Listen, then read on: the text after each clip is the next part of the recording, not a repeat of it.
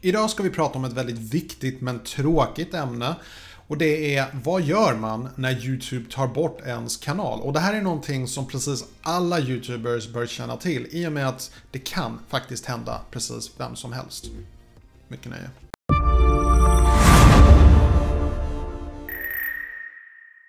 Hej och välkommen till min kanal, mitt namn är Tommy och jag hjälper dig att bemästra social media idag. Om du är ny här, glöm inte att göra hashtag nyprenumerant så jag kan välkomna dig ordentligt. Lite kort om mig själv, jag jobbar som konsult, jag hjälper små och stora företag att utvecklas och jag har en akademisk bakgrund inom marknadsföring. Men min stora passion här i livet är YouTube. Jag har hållit på med YouTube i jättemånga år, jag tycker det är det roligaste som finns. Så i dagens ämne sätter vi igång och pratar om någonting jätteviktigt som jag faktiskt har en väldigt olycklig erfarenhet av och det är vad gör man när YouTube tar bort ens kanal? Vad kan man göra? Så för det första, när händer det att YouTube tar bort ens kanal? Jo, det är när YouTube anser att du inte följer deras regler. Och det finns massor av regler att hålla koll på. Det kan vara att du bryter alldeles för mycket mot copyrightregler. Det kan vara att du spammar. Det är att du kan göra sub for sub. Och jag har tyvärr erfarenheten av det här just med sub for sub. Jag har förlorat en kanal på grund av det. Och vad som händer är att du får ingen varning utan YouTube tar bort ens kanal för alltid. Permanent. Inget att göra åt saken. Du kan nå ut till YouTube och be dem eh, återkalla sitt beslut. Det kan du göra. Du får ett mail vanligtvis på detta och då kan du bara svara på det mailet. Du får en länk där du kan eh, överklaga deras beslut. Men när det gäller någonting som sub for sub, det är väldigt enkelt att se när du gör sub for sub. Så för det första, jag rekommenderar dig att aldrig göra sub for sub, även om du bara gör det då och då. Bara undvik det helt. YouTube ser allt du gör. Okej? Okay? Det är trots allt Google som ligger bakom YouTube. Så obviously, de vet allting vi gör.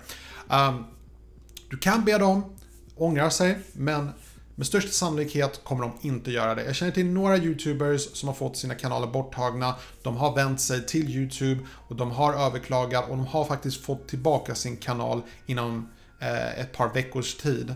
Eh, det händer också att YouTube bara tar bort eh, AdSense. Eh, det händer att YouTube ehm, ger dig copyright strikes och får du tre stycken då tar de bort din kanal.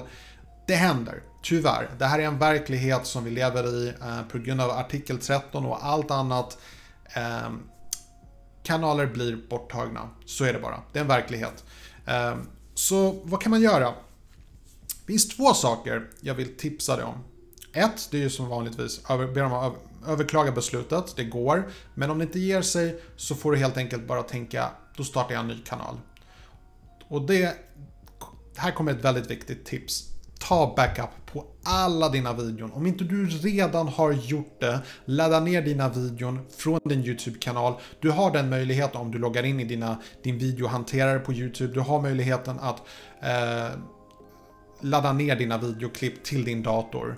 Eh, om, om, du får ut det i 720p. Vill du ha i högre upplösning så finns det en massa program och hemsidor där du kan bara skriva in adressen på din video så kan du ladda ner videon. Så ett tips är att du verkligen sparar, ha backup på alla dina videon. För att jag hade en gång en kanal med över 300 videon och den blev borttagen på grund av att jag gjorde sub for sub.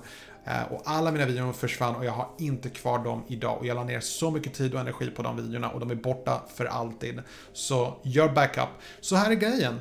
YouTube tar bort din kanal och det värsta du egentligen går miste om det är alla dina prenumeranter.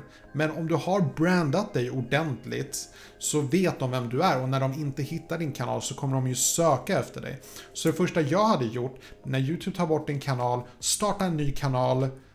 Du kan till och med använda samma e-postadress de straffar inte e-postadressen, bara kanalen. Så att jag kan fortfarande se eh, min YouTube-kanal, att den är avstängd, den som blev borttagen. Eh, och eh, det är lite intressant, alltså de straffar en genom att ta bort kanalen, men det är inte som att de straffar din e-postadress. För att de vet antagligen att det skulle inte hjälpa någonting, då hade du bara startat en ny e-postadress.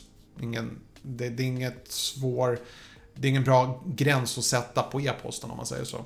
Så att ehm, Starta en ny kanal, sätt samma namn, klistra in samma logga, ladda upp alla dina videon på nytt. Och så är det som att ingenting har hänt. Det enda du går miste om är alla visningar och alla prenumeranter, men du har åtminstone en bra grund. Och jag säger det här igen, det här kan tyvärr hända vem som helst. Och även om du inte har gjort någonting fel, jag känner tyvärr väldigt många YouTubers som inte heller har gjort någonting fel. Och de har förlorat AdSense, de har förlorat sina kanaler, de har förlorat sina rankningar vilket har gjort att de får nollvisningar. Saker händer tyvärr mot även de som betett sig ärligt på YouTube. Så var förberedd, ha backup på dina videon så kan du känna dig lite tryggare. Och se det inte som världens undergång. Jag har varit med om det här det var väldigt sorgligt i typ fem minuter, sen började hon på en ny kula och bara körde på. Ehm, det är inte världens undergång, det är bara en kanal. Okej? Okay? Det var allt jag hade för idag. Hoppas ni tyckte den var bra.